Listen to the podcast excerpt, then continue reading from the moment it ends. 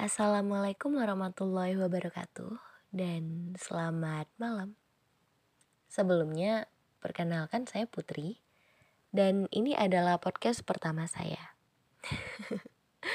Sedikit bingung dalam memilih pick up lines, but let me try. Hmm, kalian mungkin pernah mendengar tentang seseorang yang selalu berusaha untuk menyenangkan orang lain. Atau selalu khawatir dengan pikiran negatif orang-orang terhadap dirinya. Sehingga apa pun yang ia lakukan, ia akan berusaha untuk membuat orang lain bahagia. So, topik beropini kita malam ini adalah tentang people pleaser atau biasa disebut orang dengan enggak enakan.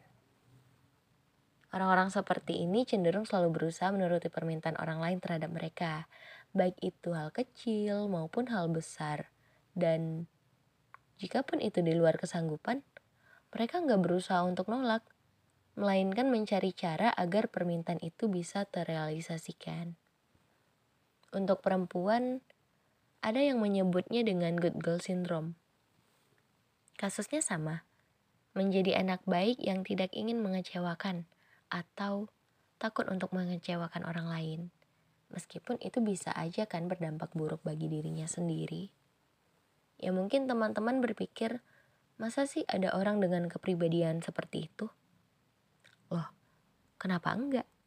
Di umur saya yang 23 tahun ini, saya mengenal beberapa orang yang bukan takut sih, hanya saja mereka ragu ketika harus menolak ataupun ragu untuk mengatakan tidak. Satu yang saya kenal itu ada di lingkungan saya sendiri. Nggak bisa dijelasin secara spesifik karena bisa saja dia menjadi salah satu orang yang akan mendengarkan podcast saya. Di luar nalar, orang-orang dengan kepribadian seperti itu tuh memang ada. Tanda-tanda yang saya ketahui itu biasanya yang pertama, mereka selalu menyetujui pendapat orang lain atau tidak berusaha untuk membalas argumentasi seseorang. Yang kedua, selalu merendahkan diri sendiri. Yang ketiga, tidak bisa menolak permintaan. Kemudian, takut membuat orang lain marah atau kecewa, sungkan untuk meminta pertolongan, dan mungkin selalu mengucapkan maaf meskipun itu mutlak bukan kesalahan mereka. Ya itu tadi hanya beberapa yang saya tahu dari beberapa artikel yang pernah saya baca. Sementara untuk pemicunya sendiri, menurut saya mungkin yang paling dominan adalah didikan atau pola asuh orang tua kepada anak. Nah, ini nih. Ini buat teman-teman yang belum menikah atau belum memiliki anak dan berencana untuk memiliki anak. Mungkin ini bisa jadi sedikit edukasi sebelum kalian benar-benar terjun ke dunia parenting. Pola asuh orang tua yang teramat otoriter bisa menekan mental anak untuk menjadi pribadi yang patuh dan penurut ya orang tua terlalu menuntut anak untuk menjadi seperti yang mereka mau. Contohnya seperti mereka harus rajin, harus baik, harus jadi anak yang penurut, nggak boleh membangkang, dan lalu orang tua mendidik anak dengan cara-cara yang keras agar anak tidak goyah dari jalan yang sudah ditentukan oleh si orang tua. Bagi saya pribadi, hal seperti ini tuh nggak wajar karena meskipun anak masih di bawah pengawasan orang tua, bukan berarti anak bebas untuk dikendalikan kan? Ya, anak itu kan manusia, bukan boneka, bukan robot. Mereka itu punya perasaan gitu. Ya, anak bebas untuk merasa bahagia dengan cara mereka sendiri. Mau mereka sedih, marah, juga kecewa. Jika ada hal-hal yang membuat mereka merasa seperti itu, Tugas orang tua kan adalah membimbing anak agar anak tahu percis bagaimana mengatur emosi yang mereka rasakan. Bukan memegang kendali penuh atas perilaku dan perasaan si anak. Kasian kan, kecil-kecil kena mental. Ya ujung-ujungnya, anak menjadi pribadi yang selalu takut ngebuat orang lain kecewa. Karena sedari kecil mereka sudah dituntut untuk menyenangi orang tua. Dan Biasanya nih orang tua yang otoriter itu cenderung sering menolak permintaan si anak yang penasaran. Hal ini juga bisa menjadi penyebab si anak di usia dewasa merasa um, berusaha untuk tidak menolak permintaan orang-orang yang membutuhkannya. Karena mereka paham rasanya. Terlalu sering mendapat penolakan itu tuh nggak enak, sedih, dan terkadang rasanya sakit. Ya, itu tadi sedikit opini saya tentang people pleaser. Mungkin bagi teman-teman yang merasa penyandang kategori tersebut, eh, penyandang, emang apaan?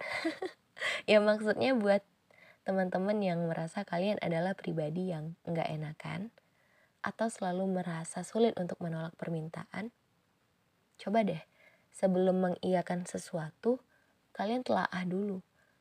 Kenapa saya merasa perlu untuk ikut serta? Mengapa saya tidak bisa menolak? Apakah saya sangat dibutuhkan dan ini berdampak besar untuk kelangsungan hidup saya? Jika jawabannya tidak pasti, samar-samar, maka kamu bisa jadi punya hak untuk menolak. Namun ya balik lagi kepada si peminta. Jika dia adalah orang yang selama ini kamu andalkan, selalu ada pas kamu butuh, ya gak mungkin dong kamu tolak ketika dia butuh dan kamu bilang enggak. Lihat-lihat orangnya juga. Ya intinya, apa pun bentuk permintaannya, selalu pastikan itu tidak merugikan dirimu sendiri. Pun permintaan tersebut kamu sanggupi namun kapasitasmu tidak memadai ya, tidak masalah untuk meminta pertolongan dari orang lain. Biasanya ini sering terjadi itu di dunia kerja. Seorang people pleaser diminta tolong oleh atasan. Mau tak mau ia harus menerima tapi lupa bahwa kemampuannya dalam mengejar deadline itu terbatas. Kalau udah kayak gini ya gak masalah kalau kamu mau minta pertolongan ke orang lain. Jangan ngerasa gak enakan mulu. Itu tuh yang ngerugiin kamu. Kamu selalu bisa merasa untuk mengerjakan segala sesuatu sendiri, gak mau ngerepotin orang lain. Padahal itu lumrah dan bisa terjadi dalam kehidupan kita sebagai manusia yang bersosialisasi. Um, ya, itu tadi sedikit cerita dan opini saya tentang people pleaser. Mungkin teman-teman mengenal beberapa orang dengan pribadi seperti itu. Jika iya, maka rangkulah mereka. Ingatkan mereka bahwa manusia punya batas dan kapasitasnya. Manusia punya porsinya masing-masing. Tidak segala permintaan harus diiakan, apalagi jika sampai melewatkan kesehatan diri. Mungkin segitu aja yang bisa saya sampaikan. Sedikit banyak, semoga bermanfaat.